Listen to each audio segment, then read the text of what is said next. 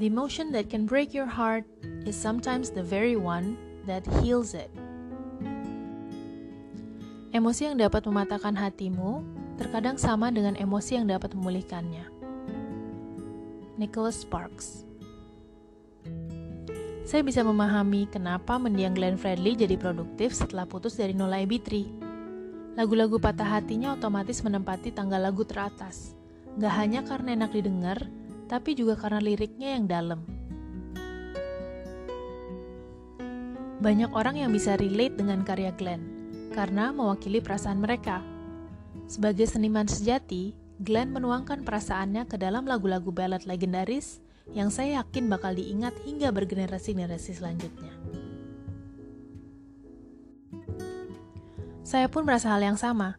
Saat sedang patah hati atau hati terasa sedang berat, saya akan mencari cara untuk memulihkannya dengan menulis. Kalau Glenn menulis lirik lagu, saya menulis apa pun yang terlintas di kepala saya pada saat itu. Entah menulis lewat blog, diary, atau sekedar bikin thread di Twitter. Yang penting saya harus mengeluarkan unek-unek. Kalau enggak, emosi saya tuh bakal numpuk. Dan saya akan melampiaskannya ke orang-orang yang gak bersalah. Kesian kan? Saya udah kepikiran untuk membuat podcast sejak beberapa bulan yang lalu, tapi niat awal saya untuk menjadikannya lahan mencari rezeki. Siapa tahu ya kan?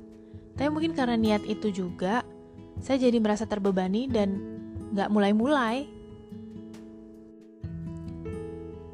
Menurut hasil riset, banyak banget orang yang suka podcast yang bertemakan kuliner, pengalaman horor, atau komedi. Tapi saya terdorong untuk menghidupkan hidup melalui quotes.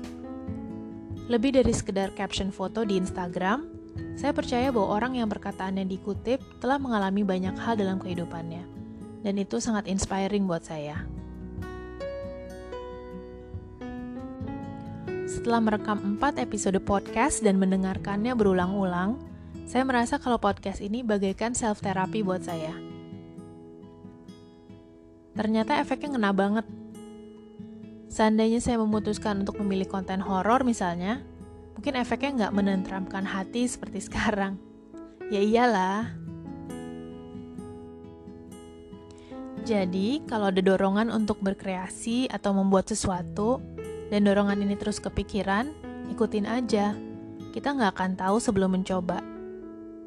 You only live once.